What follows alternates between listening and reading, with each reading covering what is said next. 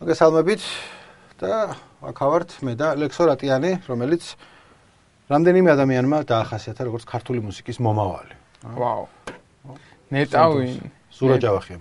აჰა. რატო რატო არ გამიკვირდა ნეტა? ის არის ზურას ზურასგან თორე. ხო, ზურასგან თორე ვიღაც ვიღაც შურიანს რო ეთქვა კიდე უფრო სახალისო იქნებოდა. ტრესურ არის აუტანელი მაქვს რომ დღეს ყავდა პოდკასტში თუმცა დავიწყე ხუმრობით ვიღაც ანიკო თახნიშვილი რა ცუდი ტიპია. თორე ვიხუმრე გულისხმობ რა რომ კარგი ტიპია და მე დაიწყო და სულ ყველაზე კაი რაღაცები ლაპარაკა მხოლოდ მე გამოვედი პროჭირო რა მე რაღაცა ისე ანიკო თახნიშვილი დებილი და მეგობარია ჩემი და ისიც მაგრამ მე გამოვიდა რომ აი რაღაცა ეს. ხო და მაგაზე ვილაპარაკო სურაზე ვილაპარაკებ მთელი დარჩენილი დროის განმავლობაში იმიტომ რომ რატომაც არა. ერნიკონეს გაზეთ კონსმეტიკას პოდკასტს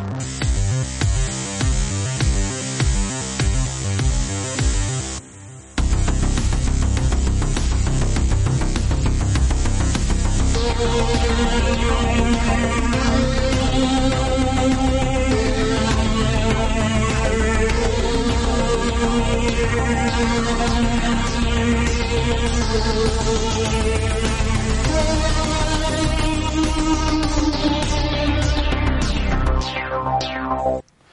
როგორც ყოველთვის ჩვენთან ერთად არიან ასევე ანა შოთაძე პოდკასტის ასისტენტი სხვა სხვანაირად ვიხსენებთ ხოლმე ყოველ ჯერზე და გოშა ლეჟავა ხმის ხელოვანი ხმის არტისტი. ჯადოქარი. არ არის ჯადოქარი მაგრამ ოსტატი. ოსტატი, ოსტატი გადასარევი სიტყვა. ოსტატი არის ძალიან კარგი. ხათ შორის, აი, ქუდი არის ესეთი ამ გადაცემის, რომ რაღაცა ბრუტალური გადაცემა უნდა იწყებოდეს, აი, გველებს რო აჭმევენ ხალხს ან რაღაც. ჩვენ არ საშინელებების კეთებები რო უწევთ. არ არ არ მოგისმენია ბოლომდე, ხო, ჩვენი გადაცემა, იმიტომ რომ გველები, ანუ რა იყო, რომ გველები სტუდიაში. გველი სტუდიაში. ხალოდ ერთ გვალს ხედავ აქ, ეგრევე მას უნდა გადავიდეთ ურთიერთავდასხმებზე, რომ აქ ერთ გავს ხედავ მე შენ კი ხვლიკი ხარ და არაც ეგეთი გვინდა კი ცოტა კი მოუხდებოდა. ბრუტალური უნდა უფრო უფრო. შეიკრებოდა გადაც. უფრო შეიკრებოდა. რაღაცა ფრენკ შოუ უნდა იყოს პოდკასტის თქვათ ერთი კვირის წინ შეკვეთილი სუში. აბა შეჭამ თუ არა? შევჭამ იმიტომ რომ შია. მეც მიჭამია. ანუ არ ვამაყოფ ამითი მაგრამ თუ დამპალი არ არის და სუნი არასდის ვადა გასულს მე არ ვაქცევ ყურადღებას. და ისა რომ დაგივარდება და 5 წამზე მეტი როა გასული. 5 წამზე კი არა, თოთახს რო გვით რაღაცა იპოვე შემოაც ჩამო, იმიტომ რომ კარგად გამოიყო. რატო არა? რატო არ არის და ეხლა რატო რატო გადავყაროთ? მაგ ჩემი არგუმენტია რომ მაგათ ისედაც აქვს ზედ ბაქტერიები. და რო დავარდება მერეც აქვს. ასე რომ რატო არ უნდა ჭამო? ხო, გააჩნია რა ახლა, ეგეც ხა თუ ეს არის ხლოპია თუ რა რა ქვია, მიუსლი აგდია ის არაფერს არ იკარებს. ეგ ეგ შეიძლება ეგ შევა ელემენტარული ქიმიაა, რომ აი შვრის ფანტელს არ ეკარება ბაქტერია. და ამიტომ შეიძლება ჭამ ტალახიდან აიღო. იცოდი ამის შესახებ? აა ციგნებში წერი ალბათ. ხო, ალბათ. მე ციგნები არ წამიკითხავს, მაგრამ დარწმუნებული რომ სადღაცა ეცე. ხო, მე საიდანღაც ვიცოდი და ალბათ ციგნებიდან, იმიტომ რომ სხვა სხვა ზვიადრატიანი ვინ არის შენ? ზვიადრატიანი ჩემ მეგობარი პირველი ეს ეს ხო იცი ხოლმე რომ ის მამაზე მეტად, ის დედაზე მეტად არის პირველ რიგში ჩემი მეგობარი. რას მეუბნე ზვიადშვილი ხარ რატო რატო არ ვიცოდი ამის შესახებ? თემას დიცოდი ციგნები ციგნებიდან. ანუ ვიცოდი კი ეს ერთ შეგფა მოვიფიქრე რომელიც იყო ზვიადიანის ვინახარ ეგ ეგ რო გეგმავდი გადაცემას. რო გეგმავდი ერთი ხო პირველი ეს იყო ხაზგასმული რამდენჯერმე და მე ცარიელი საქმარი არის ერთ საქმარი აქედან კი ამოსავალი წერტილი მშვენიერი. კაი, დავსერიოზულდა, დავსერიოზულდა, თორე ხალხი არ ელოდება აქ ხუმრობებს და რაღაც არასერიოზულ მიდგომას. არა. ლექსომ გამოუშვა პირველი მინი ალბომი, EP ეგრეთ წოდებული. რომელსაც ქვია თამაში. აჰა. ცოტა შემე პარამეტრი იქნება თამაში არ ქვია მეთქე და მისი პირველი სინგლი უკვე შეგიძლიათ რომ მოისმინოთ YouTube-ზე.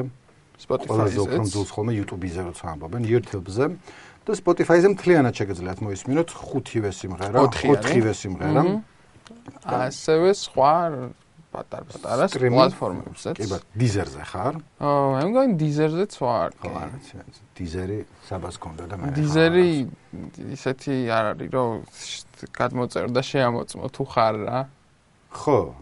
თუმცა რატომაც თუ არა. ხარ ხარ და თუ არ ხარ, ესე იგი არც უნდა იყო ეგ დიზერი ჩემთვის. და თუ ვიღაცა მოგწერა რომ დიზერზე რატო არ ახარო, მე და დაფაცურდები მე იმას შეგიძლია საქმე გაურჩიო. რატო ანუ რატო რატო ამოწმე? მეკითხები მაგას ანუ ვაფშე. და ეხლა შემოსვლამდე ვამოწმებდით მაგას, რომ Spotify-ზე თუ მოგინდათ ლექსორატიანის მოსმენა, ერთი არ ჩაწეროთ ქართულად, იმიტომ რომ ვერ იპოვის. მეორე არ ჩაწეროთ ლექსო რატიანი, იმიტომ რომ იპოვის, მაგრამ on the road-ის EP არის, ეგეც თუ ალბომია რაღაც ხო, რამდენიმე მაგათაც იპია და ერთ სიმღერაში უკრავს სოლოს და ხო, და მაგიტომაც იპოვის, ამიტომ ლექსო უნდა ჩაწეროთ X-ი X-ით, ხო. და მაგაზე- დააფასეთ. ბევრს ფიქრობდი მაგაზე, ლექსო ჯობდა თუ ლეხო X-ით ხო. რა და მე მგონი ლეხო X-ით უფრო ამაზად გამოიყურება რა. მის მთელი ცხოვრება ვფიქრობდი, რომ ნიკო დამეწერა City to Kate და კარგი ხნის განმავლობაში ალბათ ერთი 25 წელი City ვწერდი ნიკოთი. და მე ვფიქრე რომ რატო თქვა, ნუ რამე უფრო მელამაზებოდა ეგრე და მე ვფიქრე ცოტა სამპარტავნობა არის საკუთარი სახელის დაწერილობაზე, ბევრი ფიქრი და რაღაცა და Kate-ზე გადავედი, რომ უფრო ადვილი იყოს. თან და მე ნიკო კეიზ City გოგოს სახელია და თუ თქვა ხა ა გენდერ არაბინარული რო იყო რაღაცა უფრო საკაიფო იქნებოდა რომ აი City აი Underground და ნიკოს City არის ის ნიკო. და ანუ გოგოს სახელი არ მინდა მერქვას კი არა, ბარემ რომ გასაგები იყოს, რომ ბიჭის სახელია და პირიქით გოგო. შეცვლის მომენტში ხო უფრო მეტი ფიქრი ჩადე მაგაში. ხო, მაგრამ ხო გავიარე ეგ ეტაპი. აა, ხო, და სამაგიეროდ იმის მერე აღარ ისაუბროთ, ფიქრობ. ხო. გასაგები. ნინოს აქვს ხოლმე პრობლემა, როდესაც მიდიან თქვა იტალიაში, ყველაზე ბიჭი გონიათ, იმიტომ რომ ბიჭებს ქვიათ ნინო. მ, ეგ ძალიან აქტუალური პრობლემებია და ხო, წამოჭერე. სოფლიოსთვის. დღეს იმ სიაში შეკითხების ასევე მქონდა რამდენიმე ფრაზა, რომელიც არც შეკითხვა იმიტომ რომ კითხვის ნიშნით არ თარდება ერთი და მეორე არ გაძლევს საშუალებას რომ გახურდე და იმაზე ილაპარაკო. სიმღერები არის არ ახალი, დიახ, არის დაწერილი როცა იყავი 12-13 წლის. ასე. რა ნიჭერები ხართ ოხრებო, რა კაი თაობა მოდიხართ. ესე იგი, რა თაობაში მოდიხართ შეგულისხმე რომ ერთი ცხადია ლექსო, მეორე ჩვენი მეგობარი და შენი ნათესავი ნა- შიო, რომელიც არის გაიძვერა. მაგრამ ძალიან ნიჭერი გაიძვერა. უდავოდ. უდავოდ. იქ სადღაც რო გეწერა რაღაცა შეჯიბრზე რო იყავი რაღაც კამელეონი თუ ხვლიკი თუ რა. მან შიო იმიტომ გეწერა რომ ყველა გადაცემა შიოს ახსენებ თუ სხვა არა, მიზეზის არა, გამო არა, გეწერა. იმიტომ რომ ადრე ჩემი მეცახელი იყო შიო. როცა ბავშვობაში, ბავშვობაში რომ დიდი ხნის რადიოში მუშაობდი დიჯეად, მე რქვა დიჯეი შიო. აა, პროსტა რა ისე. და ამიტომ იმდროინდელი მეგობრები დღემდე შიოს რო დამიძახო ვიყურები ქუჩაში, ანუ ესე მეძახნა ხოლმე. მაგარია. მე კიდე მეგონა რომ ანუ ხო და რა შიო- დავაწერო თუ ზედო რა რაღაცაო და სახელი რო არ ეწერო, ცოტა მითქავ შიო დააწერო თემეზლო რომ მელოტი რაღაც დამეწერა, მაგრამ მელოტი ესეთი ამ ყველა მელოტია, შენ არ ახარ, მაგრამ ნუ ბევრია მელოტი. მელოტი ხო არ არის გამორჩეული ნიშანთვისება. ვიდრე ახალ სიმღერებზე გადავიდოდეთ, ფართო პუბლიკამ გაგეცნო სიმღერით, რომელსაც ქვია თევზის სიმღერა. აჰა. და თავიდან ბოლომდე არ უშვებ სიმღერებს, მაგრამ ნუ რომ ნახოთ, ის გვისმენს ალბათ აინტერესებს. იმედია. როგორია ლექსოს? შემოქმედება. ორივე ვხდებით რომ ისევ ანკესზე ყავალ ბევრს არ ფართხარ მაგრამ არ თვად მკვდარს დავარ. თუ მოგერიდა ჩემი ცოცხლად შეჭმა მაშინ. ალბათ მოგიწევს ისევ მარტო გამიშვა ზღვაში. და თუ ცურვისას უცბად მივხვდი რომ აღარო არ თევზი მეც მე თევზე ვარ იდუმალ ზღვისკენ ავიღე გეზი და გაინტერესებთ როგორ გრძელდება ან თავდება ეს სიმღერა და ალბათ რომ საინტერესოა ამბავია მოყოლილი რაღაცა იწება გრძელდება და მთავრდება და არა ეს არ არის მარტო სიტყვები და მე მის ამღერი. შეგიძლიათ ან YouTube-ზე ან Spotify-ზე ეს არ არის მაგრამ YouTube-ზე ნახოთ და მიემატოს ნახვები YouTube-ის ვიდეოს ჩვენთანაც გვექნება იქაც გვექნება და ყოველთვის არის. ან სულ მომღერალი იყავი ხო? რაც თავი გასულ 7 წლიან შეიძლება არა, მაგრამ შეიძლება კი, რა ვიცი. ხო, ну 7-დან არა, მაგრამ 9-დან მე მგონი კი რა.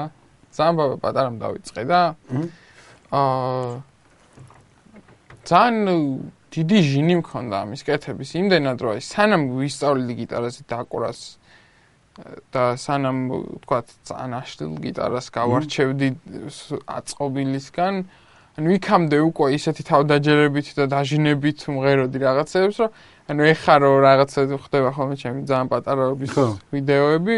ალბათ ჩემ თავზე ვიტყოდი რომ ეს ადამიანი ნორმალური მუსიკოსი ვერ დადგება ვერასდროს რა მაგრამ მაშინ რატო? ანუ ძალიან ისე რო იყავი? აი, ძალიან ისე ვიყავი, თან არაფრის აკორდები არ ვიცოდი და მაინც ყველაფერს უკრავდი, არაფრის ტექსტი არ ვიცოდი, მაინც ყველაფერს უკრავდი.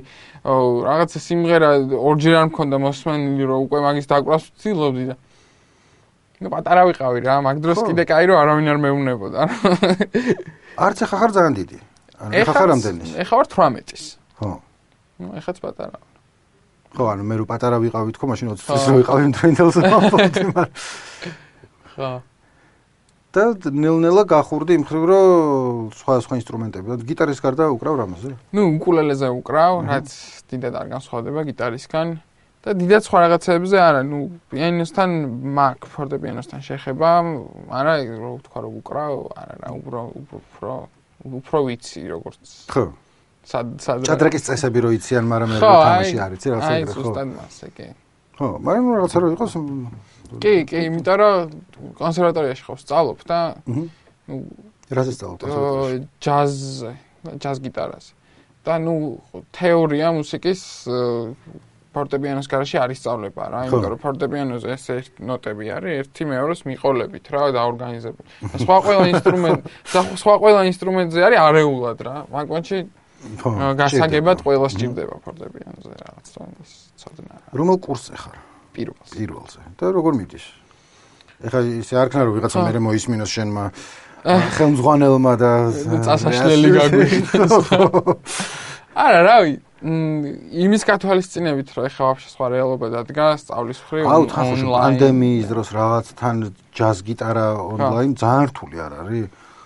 ну მე სოციოლოგიას კიდე არა უშავს რაღაც აგიხსნიან და ჩაიწერდა ხო ну მე დავდიოდი იქამდე 4 წელი 10 წლეთში ნიჭი ერთ 10 წლეთში ასევე ჯაზის განხრით და აა აი ამ ფაკულტეტზე რაც არის მთავარი საგნები რომლებიც არის სპეციალობა ანსამბლი და თეორია ამ სამ საგანში იგივე მასწავლებლები მყავდნენ ვინც ეხა მყავს ხო შესაბამისად უკვე ბევრი რაღაცისთვის ალღო მქონდა აღებული რო ჩავაბარე და იმდენად მე არ გამიჭირდა მაგრამ აი, რასაც ვუყურებ, აი, ჩემი კურსელების გადმოსახედიდან რო შევხედო, ბევრი რაღაც, ბევრი რაღაცა მართლა ძალიან რთულია რა. ხო, რა იწყებდა პირველ კურსზე, რო ხა იყოს რაღაცა ისე. ხო, რო ეს ონლაინ იმაში გაართვა თავი, განსაკუთრებით თეორიას რა.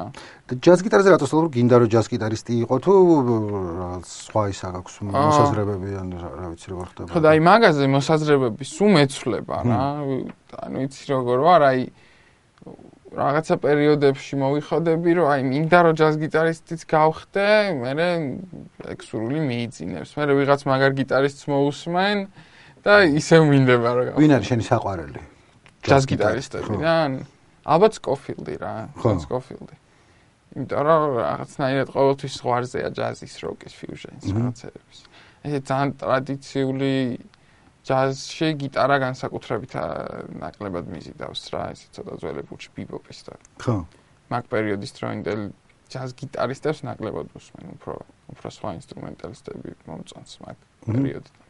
მაგრამ მაგის მაინც ვერ ვერკავი, მაგრამ ჯაზ გიტარისტს კიდე რასნაირი განსაკუთრებული ის მოეთხოვება, ხო, ტექნიკური შესრულება თუ არ არის, ნუ ჯაზი როგორც ვიცი, ეს არის თქვა როკ გიტარაში შეგიძლია სიტყვაზე კობეინივით დაუკრა და არ არის რთული, მაგრამ დუხიანია და რაღაცა იმას იზამს. და ჯაზში თუ რაღაც არ ჩაახუჭუჭე, ისი აზრი არ აქვს თუ არ არის ეგრე. აა საბოლოო ჯამში ეგრეა მაინც კი რა, იმიტომ რომ აა ხელწერა უნდა გქონდეს შენი. და ეგ ხელწერა რო გქონდეს შენი, ის არ არის აუცილებელი რომ აი ვირტუოზი იყო ინსტრუმენტზე. მაგრამ ძალიან ძალიან ძალიან შენ თავში დარწმუნებული უნდა იყო და მაგისტვის საჭიროა რომ ტექნიკურად კარგად კარგად ფლობდე რა. არ შენებური რო იყოს, ეგ კიდე თალკე ამბავი, იმიტომ რომ ტექნიკურად YouTube-ზე რო შეხვიდე, იმდენი უკრავს ძალიან, მაგრამ აი ესე რომ პირს დააღებ. მაგრამ მუღამი არის რომ რომ მოიცმენ ვიღაცას ხვდებოდე ვინ არის რა ხელწერა რო კონდეს და ეგ უფრო რთულია.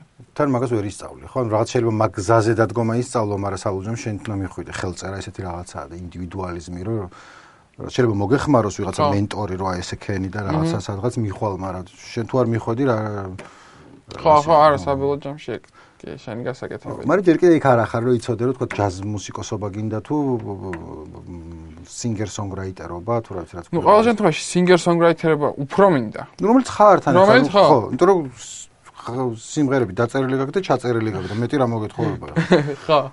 მაგრამ ეს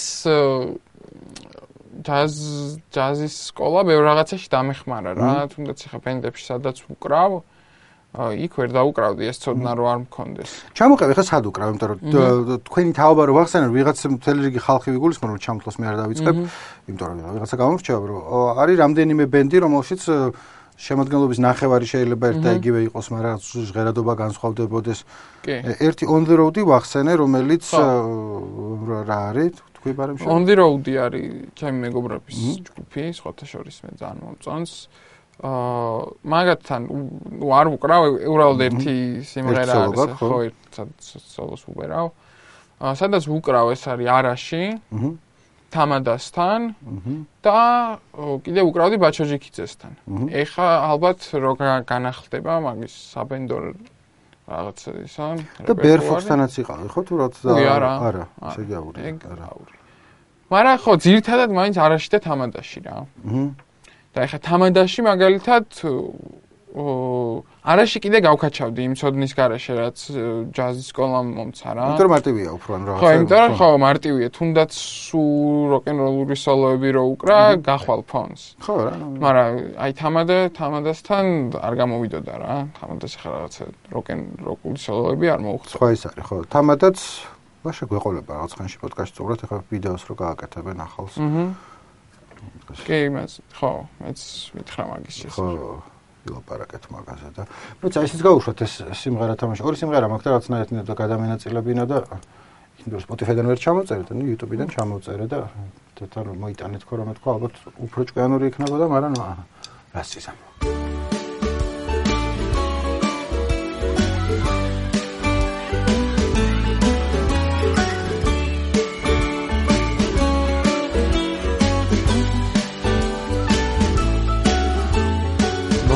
ერთად მოვიფიქროთ თამაში გავერთოდ ერთად.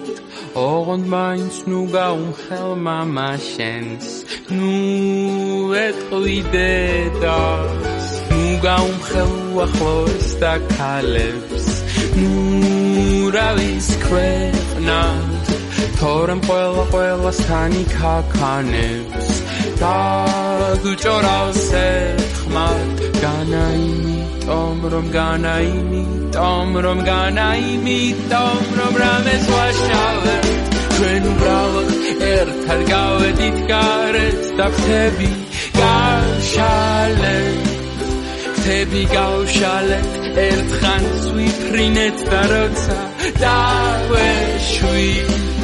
შენ ხომ დაინახე ის რაც დავინახე მე შენს თვალებში თვალებში.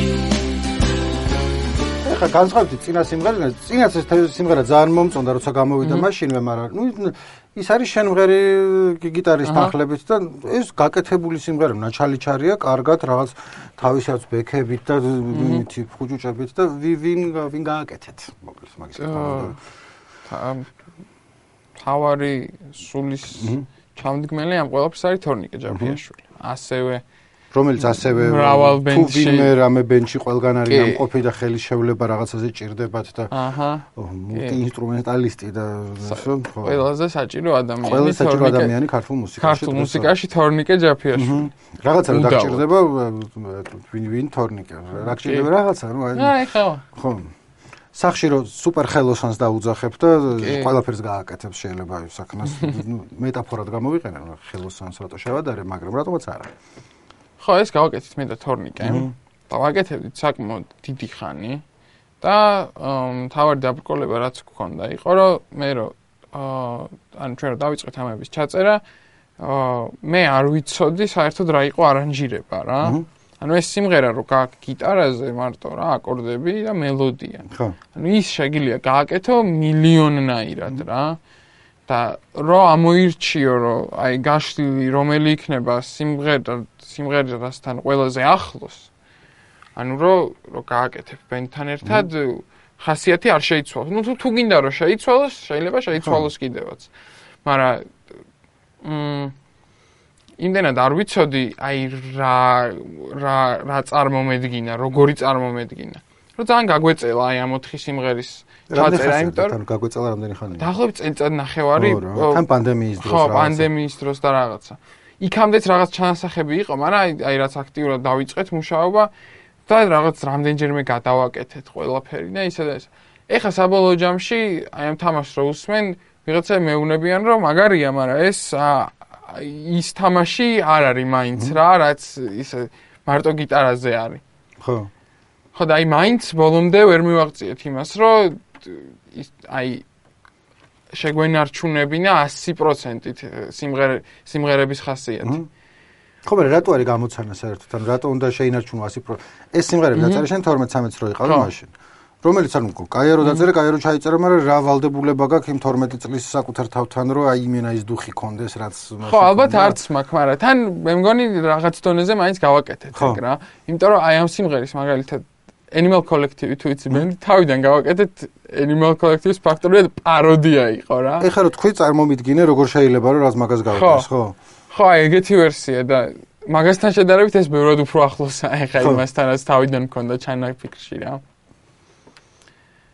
ხო. და თან ის მომენტი არის რომ ანუ ძალიან ბავშვობის სიმღერები რო არის ძალიან მე პირადად მინდოდა რომ იმ დროინდელი გადმოსახედიდან როგორც დავინახავდი ისე ყოფილიყო და არა თქვა ეხა როგორ გემოვნებაც მაგ მაგის მიხედვით და მაქსიმალურად შევეცადეთ რომ რაღაცნაირად ანუ გამეცოცხლებინა რა ის პატარა ლექსო ჩემ თავში რომ იმისი გემოვნებით გვექნა რაღაცეები რა. მე მგონი ნაწილობრივ გამოგვიყვება. ხო, არ ვიცი, მე მაგდროს არ გიცნობდი, მაგრამ რომ უსმე რაღაც მოაქვს ეგეთი უდარდელი არასწორი სიტყვა, მაგრამ რაღაცა ეგეთი 13 წლის ბავშვი როგორც ჩაწერდა კი არა, კარგად რო შეძლებოდა ჩაწერა, ვერ ჩამოყალიბე, ხო, კარგად, მაგრამ რასაც ამბობ იგივეს ვიმეორებდი და ამიტომ. აჰა.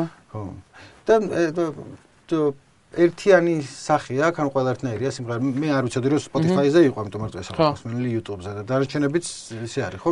შეკრული IP არის, ოთხი სიმღერაა და. აა, ხო და არ არის, მე არ ვიტყოდი რომ შეკრული IP არის. ან მუსიკალურად ამის შემდეგი სიმღერა შეიძლება თქოს რომ საკმაოდ განსხვავდება რა. მაგრამ ეგ იყო ერთ-ერთი რაღაც რაც მინდოდა რომ ეგრე ყოფილიყო, იმიტომ რომ იმ პერიოდშიც იყო ვიყავი ძალიან ცვალებადი რა. შინაარსითაც სამივე სიყვარულზეა. მაგრამ რაღაცნაირად იმდენად რაღაცნაირად სხვადასხვა კუთხიდან უყურებს ამ ამბავს, რომ გადავწყვიტეთ, რომ მუსიკალურადაც კონტრასტული ყოფილიყო. მაგრამ რაღაცეები არის, რაც რა თქმა უნდა, ოთხივეს კრავს რა. სოციალის უფრო მეტად ტექსტუალური შინაარსია ის, რაც აკავშირებს ოთხივეს ერთმანეთთან. და მაგ დროსაც ამებს წერდი, მართლა შეყარებული იყავი თუ უბრალოდ ეს სიმღერებს წერდი სიყვარულზე? ხო და აი მაშინ აა სიმღერებს წერდი უბრალოდ სიყვარულზე რა არ ვიყავი შეყვარებული. და ერთი სიმღერა სხვათა შორის მაგაზეც არის რა რომ წარმოდგენილ ადამიანზეა და მის ამღერი არის რომ ვითომ არ მიცნობ ვითომ მართლა არ მიცნობ და სიმღერაში მართლა არ მიცნობ და არც მე არ ვიცნობ და ერთი ერთი არის ხმა რომელიც მოვწონდა ერთი კოპა და მაგაზე დავწერე მაგრამ ეგეც საბაბი იყო უფრო მეტად რომ სიმღერის დაწერის, ხო? ხო, ეგ მოგამი არის, იმიტომ რომ მაგ დროს ახლა მეც არ მახსოვს თლად კარგად, მაგრამ ხო მაგ დროს შეყვარებული არ ყოფილა, მაგრამ სულ გინდა რომ იყო და აბა იქნება ახლა შემიყვარდი, ცოტა თავს რო აძალებ, რომ აა მოიტანა და რო გახედავ და არა, მაგრამ ნუ რაღაცა ხო არის და. ხო არის, ხო. და აი თევზის სიმღერაზე იყო პირველად როცა ო იმდენად ზუსტად ვიცოდი რაზეც და ვისეც და რატომაც წერდი რომ ანუ 10 10 წუთში დავწერე ეგ სიმღერა რა, სოფელში ვიწექი National Susman და რატომღაც რაღაც მომენტში ძალიან არ მომეწონა რა, მეთქი რა არის ეს. არ მომეწონა ის სიმღერა, რომელსაც უსმენ. გადავდე ყურსასმენები და ეხა მე დავწერ უკეთეს. მე დავწერ უკეთეს. პირველად და ჯერჯერობით უკანასკნელად იყო, რომ აი ეს მთელი სიმღერის ტექსტი ისე მომივიდა თავში რა, ეს ერთი ხელის მოსმით თუ როგორც ეძახიან.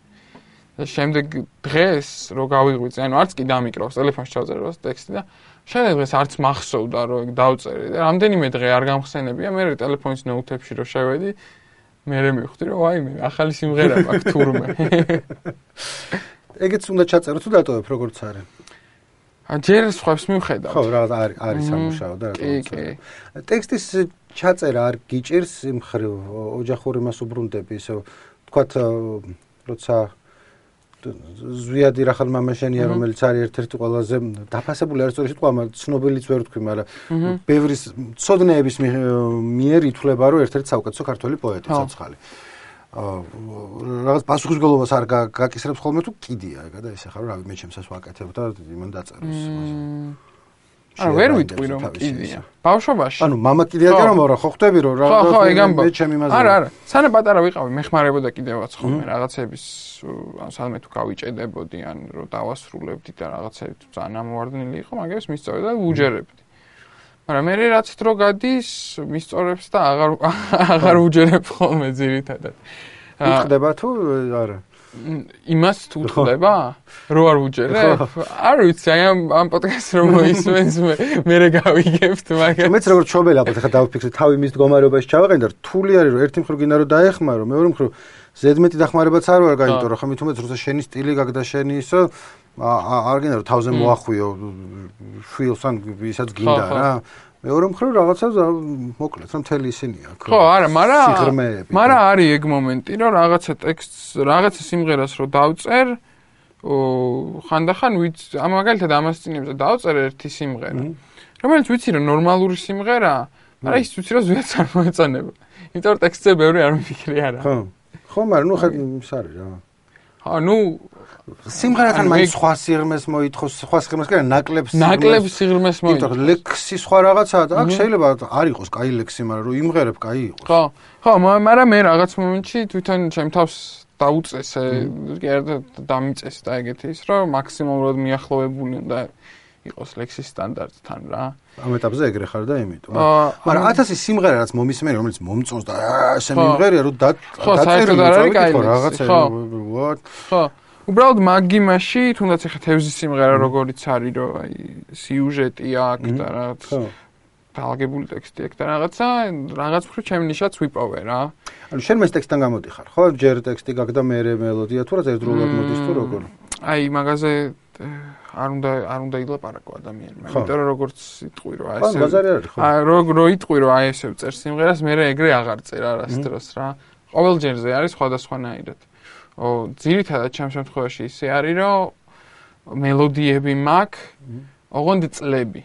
ანუ ძალიან ბევრი წელი რო გაქვს მელოდია და აი ბოლოს რო დააყენებ საშველს რო დაუწერო ტექსტი რა. ხო.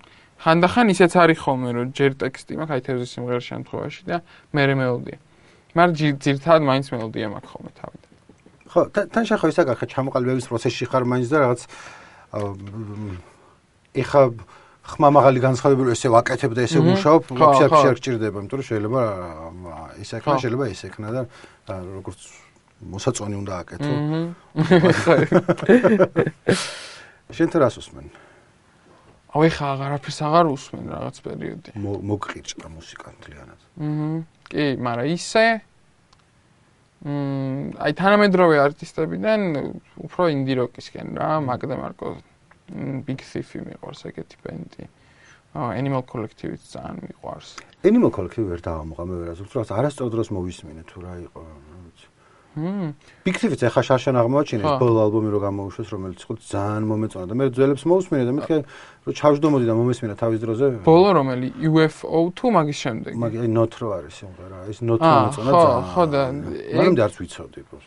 მ ეგ ალბომი მე ისე რა მომწონს. ცოტა ის ნაკლებად ნამუშევარი მგონია ვიდრე წინა და მაგის წინები რა. აი UFO არის ხო, შაშან ერთი ალბომი, უბრალოდ ერთ წელს ორი ალბომი გამოიხვეს და ხო, ხო, და აი პირველი მომწონს მე აი ძალიან საოცარი. ხო, მე აი ესე ჩაჯდომით მომისმენია და არა, ვერ ვიტყურა აი რაღაცა ი გენიალური და რაღაც ბენდია, მაგრამ ძალიან ძალიან ბევრი კაი რაღაცაა. იცი რა აქვს, აი მაგათ ლაივზე წავიდოდი, მივხვდი რომ ბევრი სიმღერა არ ვიცი, იმიტომ რომ ნანახი მაქვს რაღაც ლაივები და ნუ მაგრამო აქვს და გოგო მომწონს ძალიან რომ ღერის რაღაცნაირი. კი, რაღაცნაირი ესეც ძალიან ცოტა კაცური, ცოტა ესეთი რა. აჰა. აი ისაც შენ ნოთგევასებ მანდარი განსაკუთრებით რომ რეალებს და თავ თავზე იმხობს ყველაფერს. ამიტომ ეფექტიანი სიმღერა არა რომ პირველადაც რომ მოისმენ ხვდები რა ზე არის და რა კი. მომეწონა რა.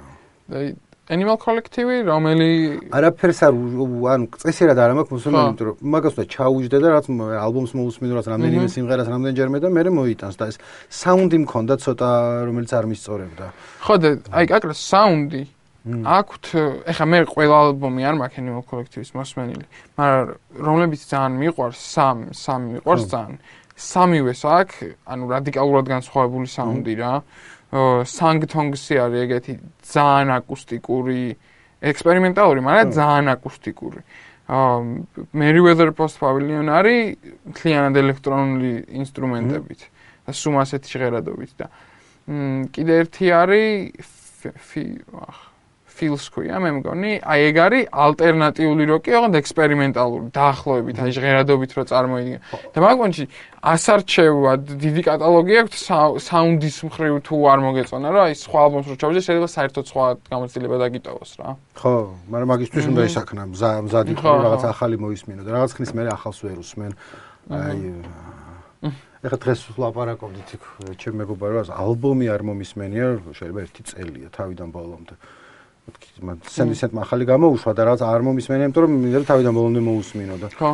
ესეთი აქვს. შერეული შეფასებები აქვს და ვიღაცებს მოეწონათ. ძალიან ვიღაცებს არა და მე ჭუაქ რომ მომეწონება რაც წავიკითხე ვისაც არ მოწონდა რაც არ მოწონდათ მე ის მომწონს. ხო 70-იან წლების საუნდი გლემი და ცოტა პირადი თემებიო და მაგას არ ველოდით ენისგანო და რა მეგენი მისწორდება და თან ხო მეც რაღაც სენსენტი მაგრა მევასება აი მუსიკაც მევასება და ტიპიც მევასება ქალიც ენი აა, კლაკი მაგარი. გიჟი ქალია კი ძალიან მეც არ მიყვარს. ახალი ალბომი არც ვერ მომისმენია. ნუ ეხა ერთ კვირა გამოვიდა ხო. გავყვა აქტრო რომ ეს მაგრამ ხო აი საოცარია რა. ძალიან ძალიან დიდი ენერგია მოაქვს. თან ეგეთი აი იმენა გიტარიანი ქალები აღარ არიან რა ბევრნი და ეს ამას პროსტა კი არ უჭირავს გიტარა ანუ მაგარი თავისი ხელწერით უჭირავს რა. როკში გიტარიანი ხალხი აღარ არის ზოგადად მაინდა. ქალები გიტარიანი ისედაც ცოტა იყო ხოლმე ხო. რა ახლა ჩამოთვალო 10-ზე მეტი შეიძლება ვერ გაიხსენო თუ ის არა გაქვს რა. მე ყოველთვის ვერ გავიხსენო. ჯოან ჯეტი ან ვიღაცა ამახსენდება რა. ხო არა მართლა ცოტანი იყვნენ კიდევაც. ეხა რავი. საერთოდ ეხა რა როკიც არის მაგას ვერ ხვდები საერთოდ რა რა ანუ ო აი რას ეძახი შენ დღევანდელ ხო და არც ვიცი ანუ ხო, ხოზარი აი- არ არის ანუ რაღაცა პო- პოპში გადარეული უფრო რაღაცა აი, ვერ- ვერ ხვდები საერთოდ ბილბორდის 2010-იანი წლების ტოპ 5 როკ სიმღერა თუ რაღაცა კიდე იქნება 4 იყო Imagine Dragons რომელიც მე ვერ წარმოვიდგინა რომ როკია მაინდა მაინც ანუ კი არ უწუნებ რამეს რა ანუ კიდია რა პოპ სიმღერებია ჩემთვის და დაჟე ის რაც მოსთან და და არ არის ცუდი ხა ჩემით არ ჩავრთავ მაგრამ აა ხო სიმღერა თან- თქო არ ვიტყვი მაგრამ არა Imagine Dragons ჩემთვის როკი მაინც ცოტა იმასთან ასოცირდება ჭუჭხთან რა და აი ბოლომდე ისე პოპურად რო არის ისე გაკეთებული და პროდიუსერებული აი მაგას უკვე ვეღარ აღვქვამ რომ როკია ანუ რა რა რჩება მაშინ როკის ანუ მარტო მართლა გიტარა ელექტროგიტარა ხო არ არის ხო და ელექტროგიტარა იმათ soul-საც კარგად უჭირავს ხოლმე განაცვალე და ვიღაცაებს ხო. ანუ ხო და იმას ერთი არის YouTube-ზე ძალიან ცნობილი ისეთი აა იუთუბერია მუ- მუსიკის განხრით რა რიკ ბიატო. და ეგ არჩევდა Spotify-ზე ესე ტოპ 10 ახალ როკ სიმღერას რა და რავი ანუ აი აი ვო ვო არც ერთს არ მოქონდა ის რა აი ხა როკს უსმენ რა. უფრო და აი ცოტა მეტალისკენ იხრებოდა რაღაც სიმღერები მაგრამ აი ძალიან კარგად რო არის დაპროდიუსერებული და დაჟე ვოკალსაც რო აუტოტუნი ადევს როკში, ანუ მანდ უკვე რაღაცა ხო, ეგ მეც მეტეხავს ხოლმე. ან თუ ადოს მაშინ იმენა უნდა ედოს, რომ ცოტა ის ჭუჭყი რო თქვი რა, რომ ცოტა რო შეგა, მოკლედ ცოტა თუ არ შეგაწუხა როკი არ არის ჩემი აზრით. ან როგორ არ არის? ან აქ ხარ, შენ გაქვს ხოლმე შენი მოსაზრებები იმასთან დაკავშირებით, მუსიკა რა არის და რა არ არის. კი, რა ვიცი, ჯერჯერობით გისმენთ და არ ვერც. ჯერჯერობით არის, წინამდე არაფერი არ აქვს აქ თქვი. ხო და მე ჩემთვის როკი ის არის რომ უფრო დიდ განაცხადის რო აკეთებს ვიდრე რეალურად მღერის რა. ანუ აი უფრო რო უკრავ რა და რასაც უშუალოდ უკრავ იმაზე მეტი რო წარმოგიდგენია შენ თავი და მაგით მაგასაც რო ხებს აჯერებ რა. აი ეგ მუხტი მომწონს ყველაზე მეტად. განსაკუთრებით აი ეგ აზრი დამებადა იმას რო უსმენდი. Rolling Stones-ის ლაივები რო დაიდო ეხლა ცოტა ხნის წინ. მიხოს. ნუ ანუ ძველი ლაივებია, აი ეს Lennon-იც რო უკრავს Year Blues და რაღაცა. მარა you can't always get what you want ხერიან და აი რაღაც მომენტში ისეთი სიბინძურე და ისეთი ისეთი განუკითხაობა ხდება, მაგრამ იმ ხელა თავდაჯერებულობით რო აკეთებენ, რომ შანსი არაა რომ არ დაგაჯერონ, რომ აგრები არიან რა. ხო, იმიტომ რომ გაკრიალებული ბლუზის დედავატირე, ხო, რაღაცა მე მე გაასწორებ რომ ყველაფერი კარგად იყოს რაზრი აქ ეგრე. გუშინოს მე ეგრე ინუტეროს, მაგიტო გამახსენდა ეს ნირვანას ინუტერო. რომელიც ასევე ის არის რა, კი არის ნაპროდიუსერალი, მაგრამ სპეციალურად არის ჭუჭყიანი იყოს და გასწორებს მაგ. მოკლედ ჭუჭყი დავკარგეთ აუტოტონს. ჭუჭყი დავკარგეთ. ჭუჭყი წაგვართვენ. ხო, არა, აუტოტუნმა არა კიდე, ყველაფერმა საერთოდ. ბაზარმა რა, რომ რატომღაც შევეჩვიეთ. ძალიან ჩვენ შეიძლება არა მაგრამ ხალხი ძალიან შეეჩვია ესე გაწყრიალებულ ჩანაწერებს. და რა ჟანრიც არ უნდა იყოს ეგეთი თუ არ არის უჭირთ მოსმენა რა. აა ლაივში როგორ ახარ? ანუ ერთი ის ნახე YouTube-ზე რომ რა ის ლაივი იყო ზიურისტურა ანუ რამდენად ხშირად მოგეცა მეთქი საშუალება რომ დაგეხვეწა საკუთარ თავერებას ლაივზე გამო ხო და მაინც და მაინც არა. ეხა ეხა ვიხოდები ბენდთან ერთად რა აქამდე სადაც უკრავდით, მარტო მე და თორნიკე უკრავდით ხოლმე და პრინციპში მე და თორნიკემ უკვე კარგად მოვასწარით შეთამაშება. ხო. ისევ რამე ლაივი თუ გვაქვს, ანუ რეპეტიციაც არ გვჭირდება და მაინც ნორმალურად უკრავთ ხოლმე. მაგრამ აი ბენდი დიდი გამოწვევა არა. ხო. და მე მგონი აი ამ ზაფხულში უკვე იქნება რაღაც კონცერტები, სადაც საერთოდ სხვანაირად წავსდგებით. ხო, ეხლა დღეს უყურებდი, რაც ივენთები დაიდო, რომელიც აქამდე ხო არაფერი არანაირი არიდებოდა და რაღაც ბათუმში ბედფორდ-ჰოლსი ივლისში და აგვისტოში ეკო და ვინდა ფოლიო სადღაცა მანდვე და აჰა იქამდე როგორ მივალთ არ ვიცით მაგრამ რა რამე გაქვს გეგმები თუ ისეთ პონჩი ხარ ჯერა მაგ გეგმები მაგრამ ის ივენთი არ დაანონსებულა ჯერ ამიტომაც არ არ ვიცი უნდა ვთქვა თუ არა ალბათ უფრო არა მაგრამ პირიქით უფრო თქვა ექსკლუზიურად ჩვენთან გინდა თუ არა დაამყარა არ მინდა ხა ვიღაცები ხა იქ 16-17 ივლისს არის კიდე ოდაფესტი მანდი მენა ოდაფესტი გუშინ ასევე შემხვდა და მეთქი რა არის თქო იმიტომ რომ ეწერა რომ ოდაფესტი არის. აჰა. და ლაინაპი ეწერა. და მეტი არაფერი არ ეწერა, რომ სად არიან, რა არიან რაღაცა. ხო, ეგ ცალ ფოტო დადეს და ივენთი ცალკე დადეს. იქამდე აა ყველა უკრავს რა გამოუშტერდი, ანუ ქართული ბენდი მითხარი რომელიმე. აი რომელიმე მითხარი. არა. უკრავს. შემდეგი. თამადა. უკრავს შემდეგ. ანუ ისეთების მითხარი მე სადაც არ უკრავ. რობი კუხიანიძე. უკრავს შემდეგ. ვნახე. კლაინატინა. არა ხო მაგრამ ეგ გუში ხუმრობ. afternoon version-ი და აჰა. გუში ხუმრობდით რომ loudspeaker-ის გარდა ყველა უკრავს რა. loudspeaker-ი რატო არ უკრავს? ეთყობა ის აქვს რაღაცა. ოდა ფესტთან დაპირისპირება. არ ვიცი. შუღლი ჩამოვაგდოთ ხო? შუღლი ჩამოვაგდოთ ხო რა? რა მომდევნო წლებში წვერ დაუკრან. არა ხუმრობთ მეგობრებო იმედია იმედია გიხილავთ ოდაფესტის სცენაზე. ოდაფესტი სადა თბილისშია. არა გრიგოლეთში. ხო მეც ვფიქრობ სადაც თბილისში არ იქნება ოდაფესტი ხო ოდაფესტი მე უფრო მეგონა რომ სადღაც სამეგრელოში იქნებოდა ეს. მმ ხო რავი. მეც თავიდან მეგონა რომ ლანჩხუთში იყო. გრიგოლეთში რა არის საერთოდ? ან გრიგოლეთს სად არის ვიცი მაყოფილ ვარ მაგრამ. არც მე არ ყოფილი შავი მე როგორ ხარ დავისვენოთ? ხო და ფოტოები ვნახე და ძალიან საკაიფო ჩანდა შორიდან მაგრამ ხო არ ვიცი სანაპიროა ზღვაზეა ზღვაზე არის კი ეგეც გუში გავიგე სხვათა შორის. ჩემი მეგობრები ისვენებდნენ ადრე და მანდ და მქონდა განაგონი მაგაზე. ხო და საინტერესოა იმიტომ რომ რაღაც ადგილები ხო არის სადაც სუტარდება ფესტივალები რა იქ ანაკლია ბათუმი რაღაც რაღაც და იქ გრიგოლეთი რა აქამდე არ ყოფილა მე არ შემხედრია ხო რატომაც ფესტივალი ყოფილა კაია. და მე დავინახე რომ უკან ზღვა რო არის და რაღაც ეგეთი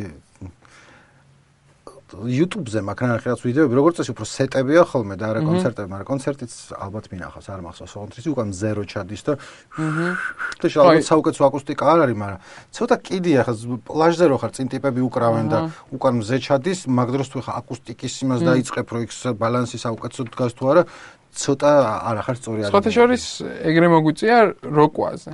ხო. აა როკვას წესით შოუში ატარებდნენ. მაგრამ რაღაც ძალიან იწვიმა და გზა ჩაიხერგა და რაღაცა და ტბის პირას იყო. ხო. ხო, აიკმონტი იყო ზუსტად ძალიან ძალიან დიდი სილამაზე. მაგრამ ტბის პირას კონცერტებს რაც შეეხება, მაგაზე უკეთესი ისტორიაც მაქვს. თელავში უკრავდით, არა? და წინა ღამით ისე იწვიმა. სცენის წინ დადგა ტბა რა. ოღონდ რამ ხელაზე, იცი, ანუ იმ ხელაზე რომ ანუ არანაირ სიახლოვეში ვერავინ ვერ დადგებოდა საერთოდ. გადავობით რომ ბაყაყებისთვის და ერთუჯნედიანი ორგანიზმებისთვის უკრავდით კონცერტს. სხვა გარც შორს იდგნენ თუ რა? ანუ წარმოიდგინე აი აქ რო იყოს სცენა, აი აქ ესე მთლიანად წინ რო ტბა იყოს და სადღაც გვერდზე იდგა ხალხი. და მე კუნძულები გაჩნდა ამ იმაზე ნენო დაშრა და ვიღაცები იმ კუნძულებზე გადმოვიდნენ და აი უკვე საყვარლობა იყო მაგრამ ხო მაგას უკვე რაღაცა რო აი ნახეთ სადა ტიპმა და ჩემთან ახლოს მოსული იყო და რა მაგრამ იქამდე გახადეს ი პროსტა ტბა თან წინა ანუ წინა დღეს გაჩენილი რა. ანუ ეგ ტბა რო ჩდებოდა ჩვენ იქ ვიყავით საუნდჩეკს გავდიოდით. რა თავს ხმა წვიმა იმისი არ ყოფილიყო რომ საუნდჩეკზე გაცენებულიყო, მაგრამ მაგარი იქნებოდა რა, რომ მიდიხარ საუნდჩეკზე არაფერი და რო თენდება უცბად ტმარო ხდება. ხანდახან ვფიქრობ ხოლმე რომ ეს არის, არ ვიცი, ღმერთის სასჯელი თუ ბუნების სამაგიერო თუ რაც ქვია კაცობრიობას რომ ცოტა ძალიან გახურებულები ვიყავით ყველანი და განებივრებული აი თქვა საქართველოში. ხო ხო ისე მივეჩვიეთ რომ შარშან წინ ზაფხულში იქ ოპენეარი ხუთი დღე იქ ვიღაცა პროდიჯი ჩამოვიდა ნუ მანამდე იყო მაგრამ რა მნიშვნელობა აქვს? იქით ანაკლიაში რაღაცა და ასარჩევად ყველაფერს კარგი მას ვერ დაესწრებოდი ჯერთი ძვირი დაждდებოდა და ზოგი პარალელურად იყო და ცოტა ისე გქონდა რა შეფერებული რომ ეგრე უნდა ვიცხოვროთ ამიერიდან რომ სულ კაი რაღაცები ხდება და მე ევროპაში ჩახვალ და ყველა სადარბაზოსთან დინამიკები იდგა ბერლინში და ვიღაც თავისუფალი გოგო ბიჭები ცეკვავდნენ და მე კლუბში გადანაცვლება და შეიძლება რაც ზოგადად ჩვენზე დიდმა ძალამ გითხრა ცოტა ხანი დაატორმოზეთ შეირგეთ რაც არის. შეიგეთ რაც არ ვიცი ეს ხა მოვიტანე არ ის აპოკალიფტური მორალი მორალისტული აპოკალიფსი მორალისტური ანუ ცუდია კი არა არამედ რომ ცოტა დააფასე რაც გაქვს და არა ის რომ ფუ ცუდად იქცეოდნენ და მაგიტო დაისაჯნენ ეგ არ მიგულისხმია. დავაფასეთ რა. დავაფასე. ბიჭო, აი წარმოიდგინე რომ ეხა რომ ის იქნება რამე ოპენი არის სიტყვაზე, როგორ სხვანაირად ხო, მართლა. ფეხსაცმელი რო გიჭერს და რო გაიხდი და უცებ რო ხვდები რომ თითქოს ხო ბუნებრივი მდგომარეობა რო ფეხში შველი ხარ, მაგრამ სხვანაირად კარგად ფეხში შველი ხარ. ხო, ოპენიერმა ძალიან უკვანეტრა თავი რა. მეორე წელია უკვე. აბა. არ და მე ოპენიერი არ გამომიტოვებია. დედეტე რო იყო ჩამოსული მაგის მერე 9 წლის ვიყავი მე მგონი. თუ ძალიან პატარა და იმის მერე მე არ დავდიოდ ხომ კი რა სულ პირველზე რამდენიმეზე ვარ ყოფი და მე მივხვდი ბოლოში რომ არასწორად არ დავდიოდ იმიტომ რომ კონცერტ ნუ ბოლოს ბოლოს დავედი რომ მეთქი მუსიკას მოსმენ ადგილზე რომ მე მე მუსიკის მოსმენამ კიდია ცოტათი მაგრამ პონტინის წორდება არა ხო ჩემთვისაც ანუ არც ერთი ჰედლაინერი არ ყოფილა ბოლოს წლებში რომელზეც გვიждდებოდი რა მაგრამ სოციალური თემა უფრო არის რა მე ძალიან ანუ ეგ ძალიან მომხდავს შემთხვევით ნაცნობების ნახვა. ძალიან ძალიან აი რომ მიდიხარ ადგილს შეიძლება იმ ძალიან ბევრი ნაცნობი ისე ნახო ვაფშე არ გაქვს არ გაქვს დაგეგმილი და ეგ როგორ მოგვაკლდა დაუგეგმავი შეხვედრები. უცებ რაც რენდომ პარალელურ კლასელებთან რო აბიჟავ ერთ საათ და გაგისწორდება ნუ მაგის დიდი ხანი არ გინახავს და რაღაცა რაღაცა და მე დაიშლება ვალდებულება გაქვს რო ხარ დარჩე იქა მაგრამ ეს ინტერაქცია იმუშავა ხოთა შორის პარალელურ კლასელებზე გამახსენდა ეხა ბენდისთვის ვფიქრობ რა სახელი შეურჩიო და ერთ-ერთი ვარიანტი იყო ლექსორატიანი და პარალელური კლასელები. ან ან მეორე ლექსორატიანი და უფროს კლასელები. რომელი ჯობია შენი აზრით? არც ერთი არ გწონს. რაც ცოტა რა რეზოდა ბავშვების იმას შვება, თუ სპეციალურად არ. არა, ცოტა სასაცილო მე მგონი უნდა სასაცილო არის, კი, ბაზარი არ არის. ხო. მაგრამ მეორე ვარიანტი კი ლექსორატიანის რაღაცა. იმენა ლექსორატიანი რო არ ფიგურირებდეს არ არ უშვებ მაგას. აა აუ არა არ უშვებ, იმიტომ რომ ისედაც ხო ბევრი ხალხი არ მიცნობს და ვინც მიცნობს იმათაც რომ დამავიწყდა ეგეც არ მინდა. ბაზარი არის ხო. ანუ დავფიქრდი ახლა და არა მაქვს მაგაზე პასუხი, მაგრამ შეიძლება იყოს ლექსორატიანი და ვიღაცა ბობ მარლი and the wailers-ის ამბავში და ბობ მარლის ვე. მე მომწონს პარალელური კლასელების იდეა. რაღაც კარგად ჟღერს. სასაცილო არის ხო პარალელური კლასელები? მაშინ ხასიათი ჯდება კი რაღაცა. ხო. რატო, რატო მოგაფიქრდა პარალელური კლასელები? ან რა რა რა ასოციაციებს იწვევს შენში? პასუხს კი არ გთხოვ, არამედ თუ გაშალო თქო. ხო, რავი, არა. პარალელური კლასელები სულ ძალიან უცნაური ხალხი იყვნენ ჩემთვის. ეხლა რომ დავფიქრდი სიტყვაც უცნაურია. პარალელური. ხო, რა. და რომელ სკოლაში ამოუცნობი, ჰმ? რომელ სკოლაში? 171. ხო, არაფერს არ იცი. ანუ სად არის თქო? აა ეს საბურთალოზე იოსებიც. ხო და როგორი პარალელური კლასელები? ხო და ეს ამოუცნობი მოვლენა მოვლენა იყო ჩემთვის რა ყოველთვის პარალელური კლასელები იმიტომ რომ ჩემ კლასელებს კიდე რაღაცნაირად შეჩვეული ვიყავი რა მაგრამ ისე ზოგადად ახლა ურთიერთობა ჩემ ხელა ბავშვებთან იშვიათად მქონდა ხოლმე რა არასთან და ვიღაცებთან ერთად ვაბიჟავდი უფროს ძირითადად მამაკაცებს ხო. გიზიდავდა ხო უ- ყოველთვის. ხო და მაგით ამოფიქრე მე უფროს კლასელები.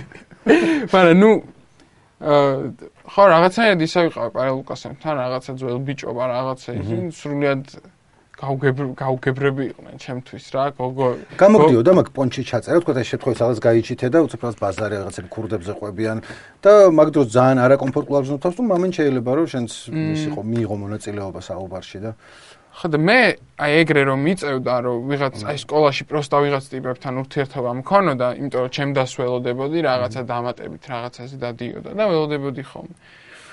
მქონდა გიჟის როლი მორგებული რა. აი და იქ აბიჯავდნენ სულ აი ყველაზე ყველაზე ბნელი ბნელი ტიპები სკოლის და რაღაც რაღაცა სისულელეებს ვაკეთებდი და გიჟის როლი მქონდა მორგებული და მე რამდენიმე წლის მერე შემხვდა ერთ-ერთი ტიპი ანუ მაგ დროს ვის ვინცაც ვე ვინც იჩ- იჩითებოდა ხოლმე და რაშვებიო რაღაცაო და რავი მეთქი საგიჟეთში ვიწექი რამდენიმე თვეთქო და დაიჯერა ანუ არ გაუკვირდა საერთოდ რატომაც ახო ნუ იქნებოდა და ეხლა როგორ ხარ მეთქი უკეთ მაგდა არა დრო და ხარ ეს უნდა გავაკეთო ის არ შეი ძალიან მეტი შემეთ კომფორტულად რო არ გახდნენ თუ რაღაცა რო არ მოეშვან კაცი რა ეხა რა არ მიშას ნორმალურად დრო დრო დრო დრო ა ჩემ მეგობარი ხუმრობდა ერთხელ რომ ეს დაახლოებით გავსი პონტი ქონდა რომ გიჟის როლი ქონდა მორგებული ნუ თან იყო ცოტა გიჟი მაგრამ ნუ პოზიტიურ კონტექსტში ვამბობ რომ ლაპარაკის დროს ციკი უნდა დაიწყო თვალით რომ ჯერ ცოტათია რაღაცა და მე რაღაც დროს შემჩნევს და მე უფრო და უფრო მოუმატო ამ თვალის ციკს და სახის მიამატო ხო. აღარ გაუკვირდება თუ და ფიქრებენ რა რატო ვაკეთებ და ამას? არ ვიცი მაგრამ რატომაც არა არა არა ის ანუ მეგობრების წრეში აკეთებდა მაგას? ან ყვებოდა არ ვიცი გავკეთებია თუ არა რეალურად. უფრო იდეა ქონდა ვიდრე ახორციელება ხო არა მე იმიტომ ვაკეთებდი რომ ანუ ჩვეუ ჩვეულებრივი ადამიანი ანუ ჩვეულებრივი ჩემი თავით ვერა ვერანაირად ვერ ჩავეწერებოდი იმათში ხო და ის ბარემ ხო ბარემ გიჟი ყოფილი ხარ ანუ რაღაც საათი და 40 წუთი არაფერი საკეთებელი არ მქონდა და ხო არ ხო არ ვიჯდება კიდე ეგეთი აა სკოლის ეზოში რაც ახსენდება, ეგეთი გასართობი მქონდა, რომ გიტარაზე უკრავდი ხოლმე, ოღონდ ისე რომ ანუ იმიდან არ ვიღებდი რა кейსიდან. და 20-ლარიანი кейსები არის ისეთი წვრილი და ესე უხარისხო, რა, აი ცოტა მაინც შეგილია რომ დაუკრა რა, ანუ ხო იმ შავ რაღაც кейსში დევს, მაგრამ ხალხი სტერდებოდა ხოლმე რა როგორ შვები და რასაც როგორ შვები და ცოტათი გიჟი ვარ ცოტათი გიჟი ვარ სკოლის ეზორა სტრაშნი ადგილია ყოველ შემთხვევაში ადრე იყო ყველა არ არის ეგეთი ჩემ შვილოდადის ნორმალური ის არის ატმოსფერო მაგრამ რაღაც მან სისასტიკე მინახავს. აი უფროს კლასელებს რო შეუძლიათ რომ არა ადამიანები იყვნენ მე აღარ მინახავს ცხოვრებაში ეგრე ასე სხვანაირად რო უსწორდებიან ერთმანეს და მე არ შემხებია ეგ აი განსაკუთრებული რაღაცა ისა მაგრამ ჟუტკი იყო ხო ხო და მეც არ მეხებოდა. მაგრამ რაღაცები მესმოდა ხოლმე ამბები სტრელკები და რაღაცები მე რა იყო ერთხელ ძალიან სასაცილო სახში მოვსეირნობდი ფეხით და გავიარა ჩემ სკოლასთან მომიწია გავლა და რაღაც. ძალიან ისე შევავლე თვალი რაღაცა კრიტიკული თვალით თუ პირთოთ ანუ არა არა არა ძალიან ნოსტალგიური თვალით და მე ვიღაცა დაცვა მოვიდა თუ ვიღაცა დარაჯი და შვილო რა გინდა ვაქო და მეთქი ე მე არ ვსწავლო და გავიარე ესე ამაყის სახით უფროს კლასელებს მგონი პარალელური კლასელები ჯობია რა სიტყვიან კი, კი, და მე რო ვიტყვით რომ ამ პოდკასტში დაიბადა ეს ბენდი. თუ რაც, იმის და მიუხედავად რომ ტყუილი იქნება და მანამდე კონდა იდეა, მაგრამ ჩვენ მივიწერთ, ხო. იმიტომ რომ ჩვენი რამ იდის. აუ, კი, всё გადაწყდა. შემდეგ უკვე როცა აუცილებლად აა, დაგიკავ. სახელმძღვანელოები კი არა, ბიოგრაფიები დაიწერება, ჩვენ გვექნება აქ დოკუმენტური ექსკლუზიო. მტკიცებულება, რომ აქ შეიქმნა ეგ სახელი. იმის და მიუხედავად რომ აქვე თქვით რომ არ შექმნილა, მმ, მაგრამ სიმართლე ჩვენ პოსტსიმართლის ეპოქაში ვართ რა ექსო რა. სიმართლე უკვე არის რელატივ. ან ისე ხან ისე გააჩნია როგორ უფრო ლამაზი ამბავია. დარჩენი ბენწერები ყავთ უკვე თუ ესეთ პონჩი. ყავს. ჰმ. ერთი ორი ისეთ პონჩი, ჯერ თვითონ არიციან რომ ხო, რო არიან, მაგრამ რო არიან, მაგრამ არ იქნებიან და ეგრევე პარალელურ კლასებში დადგებიან და აუხსნიან. კი, პარალელური კლასელები გაურჩევენ საქმეს. აჰა. თან გოგოები არიან და მე მგონი ტიხავს. გოგოებმა გაურჩევა მაშინ საქმე. პარალელურ კლასელმა გოგოებმა. პარალელურმა კლასელებმა. ხო და აი პარალელური კლასელი გოგოები აჰა. ძალიან კარგად ვიგრძენენ თავი, რომ არა რომ უკრავდით ოფენერზე, ხო. იქ იდგნენ პირველ რიგებში და წიოდნენ და აი ხა ხვდები როგორი აი სკოლაში რომ ცოტა აუთსაიდერი ტიპი ხარ და რაღაცა და მე უცბად რომ ეძრობი რომ რაღაც შენი პარალელური კლასელები შენ დაკრულზე ცეკვავენ იო სცენაზე ვდგავარ და მიდი. რაღაც თვალებს ვაჟუჟუნე მიდი ზურა თვალ ჩაუკარე იმას. და რატომაც არა. ეხა ბოლოსკენ გავდივარ და თუ რამე სადმე გაქ რაც იცი ეხა გითხარი რომ სად ერთი შენი ჯგუფის დებიუტი შედგება ალბათ არა მაგრამ რაღაცა ოდაზე იქნები. არა ოდაზე იქნება. არა და თამადა იქნება არა და თამადა იქნება მაგრამ შენც იქნები ხო. და ერთ-ერთ ფესტივალზე რომელიც მალე დაანონსდება და იქნება ამ საფხულში უკვე ბენდითაც ადათ ისე პეიჯი გაქვს. ანუ გარდა იმისა რომ შენი პირადი ისიც გაქვს ლექსორატიანის პეიჯიც არის კი ეს უდიდესი უდიდესი მიღწევა რატო რომ ჩაწერეთ და დაალაიქეთ ეხა თქვენი რამიდის თუ რაღაცა ეგეთებს ალაიქებთ ხოლმე. კიდევ ერთხელ არავინ არაფერს არ გაიძულებს და თუ რაღაც სხვა არა თუ დალაიქებული არა გაქვთ იმიტომ რომ პეიჯის დალაიქება გეგრეხება და რაღაცა არ ჩვენგან არ არა. იქნება ზეწოლა მაგრამ რატო არა? და პარალელური კლასელებისგან გარჩევებს არ ილოდოთ თუ არ დალაიქებთ ხო. ხო არა ვარ ჩვენ ეგ ხალხი რომ აქვე მოგიქცევთ. დავაანონსებ ა, კონკურსს რომ ყველაზე კარგი დამლაიქებელი საჩუქრად მიიღებს ვიზიტს პარალელური კლასელებისგან რომლებიც დააკაჩავებენ. კონტუმრობით ანუ რაღაცა. და შეგიძლიათ შეყვარებული ყავდეთ თან და ცემოთ პარალელური კლასელები ოღონდ ძალიან არ ურტყათ რაღაცა ისე რომ თავი მოიწონოთ შეყვარებულთან. ვა ეგ ეგ გასაკეთებელია ოღონდ მაგამდე ჯერ გზა არის გასავლელი რა. თუმცა ასევე არ არის კარგი იმიტომ რომ თქვათ შეყვარებული რო ყავს რომელიც მუსიკაში ერკვევა რაღაცები მოწონს და მის თვალწინ თუ ლექსორატიანს წემ ო, და იმას მოეწონა ესე იგი კაი გოგო არ ყოფილა და არ ყოფილა შეყვარებულობის ღირსი. ხვდები? რატომ შეიძლება გაუტყდეს იმას რომ ლექსორატონს მომავალია მუსიკის თევზის სიმღერა დაწერა რა- რაღაცა თორნიკეს ახლობელი არაში დგას და შეიძლება რაღაცა არასწორად მოვიდა მაგრამ ის- ის მშვიდობიანად გადაჭერით ეგ საკითხი და ხო არა. შეიძლება ეგ უფრო იყოს გამოცდა თვითონ ის გოგო რამდენად საშეყვარებულოა. აი ზუსტად. აი თუ ცემ თუ ცემთ და გოგოს მოეწონება. ესე იგი ის იქ უნდა- ხო უნდა ეს გოგო იქნება გაოცებული რომ რაღაც უცებ ტესტის ქვეშ მოეყვა სადაც არ უნდა არ ელოდებოდა ხო? თან უცნაური ტესტის რომ გონია რომ რაღაცა რაღაც ინამდვილეში ყველაფერი პირიქით არის. საოცრება ციგნებს კითხულობ თუ ისე რა? ისე რა კი არა ისე რა ზნაკლებად ამბობ პერიოდში ხო ბოლგერჩი მეც ეგრე ვარ. ხო. აი ანა კითხულობს ციგნებს იმიტომ აა მაგარი. მოხდილია მაგამ ბავში მაგრამ ანუ დეტექტიური სიუჟეტი წარმოვიდგინე რაღაცა ეგეთი და მა- მანდედან დავსვი შეკითხვა თორე არ არ იყო ეს. და რა, სერიალებში ვისკენ ახართ რა აა სერიალებში მე ვარ მოკლე და სასაცილო სერიალებისგან მჰმ. და დიად არ სერიალებს არ ვუყურებ მაგრამ ამ ხიარულ ნოტაზე ამ ხიარულ ნოტაზე არა ბოშ კაი სად- რაღაცა სადაც- ჩავაჯვე მე რაღაცა და ციგნებს კითხულობ არ ვკითხულობ ციგნებს არა გაი საკითხული. არ არ სერიალი კიდე არ რაღაც მისავანი არა გაქვს საკითხული არა მაგ რა ვქნა? კიდე დამისვი ისეთი შეკითხები რაც არასაინტერესო ტიპად გამომაჩენს TikTok-ზე გააქვს რაღაცები. TikTok-ებს წერ. ჩაგიწერია TikTok-ი მე ტესტავს ამ შეკითხვას აა, მე ერთ ჩამწერალი შეკითხვები რომ არც ერთი ასწორი პასუხი და არც მე რა ერთი ერთი TikTok-ი ჩავწერე, ოღონდ იმის გულისთვის რომ სა- საუნდი შექმენი ჩვენ სიმღერა იყო TikTok-ზე რა.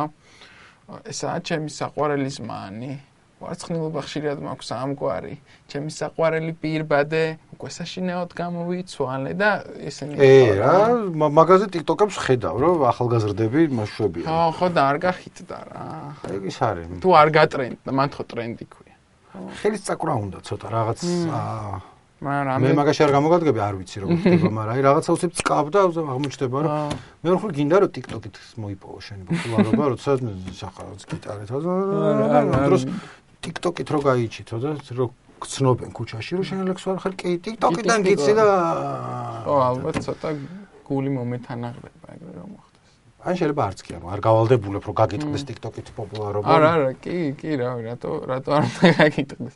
არა, სხვა რაღაცას ახლა თუ ეგ თუ არის შენი მაქსიმუმი ან შენ იდენტობა თუ ეგ არის, რატომაც არა, თუ ხო. მაღაზიაში ჩალიჩობ ან რა, ბაზარი არ არის, ყოველს თავისი გზა აქვს და ხო. ვერავის ვერ დაუშლით ამ უნდა ვიაროთ იმ გზაზე რა, რაც არის. დაწესებული ყვა გზა ეს და უნდა მიუყვეთ კი ბაზარი. უნდა მივყვეთ ბოლომდე. ვიაროთ ერთად. ვიაროთ ერთად ვის სიმღერა პაპარაცი ეს? არ ვიცი. ალბათ. ზონა მე მგონი არის. არც მე ალბათ. ერმალ მაღლაძის ფილმში არის რომ ვიაროთ ერთად. და მე რე ცოლფანი ხდები. აი აი ესე კი შეგვიძლია დავთვალოთ. კი, ნაცად. კაი იყო.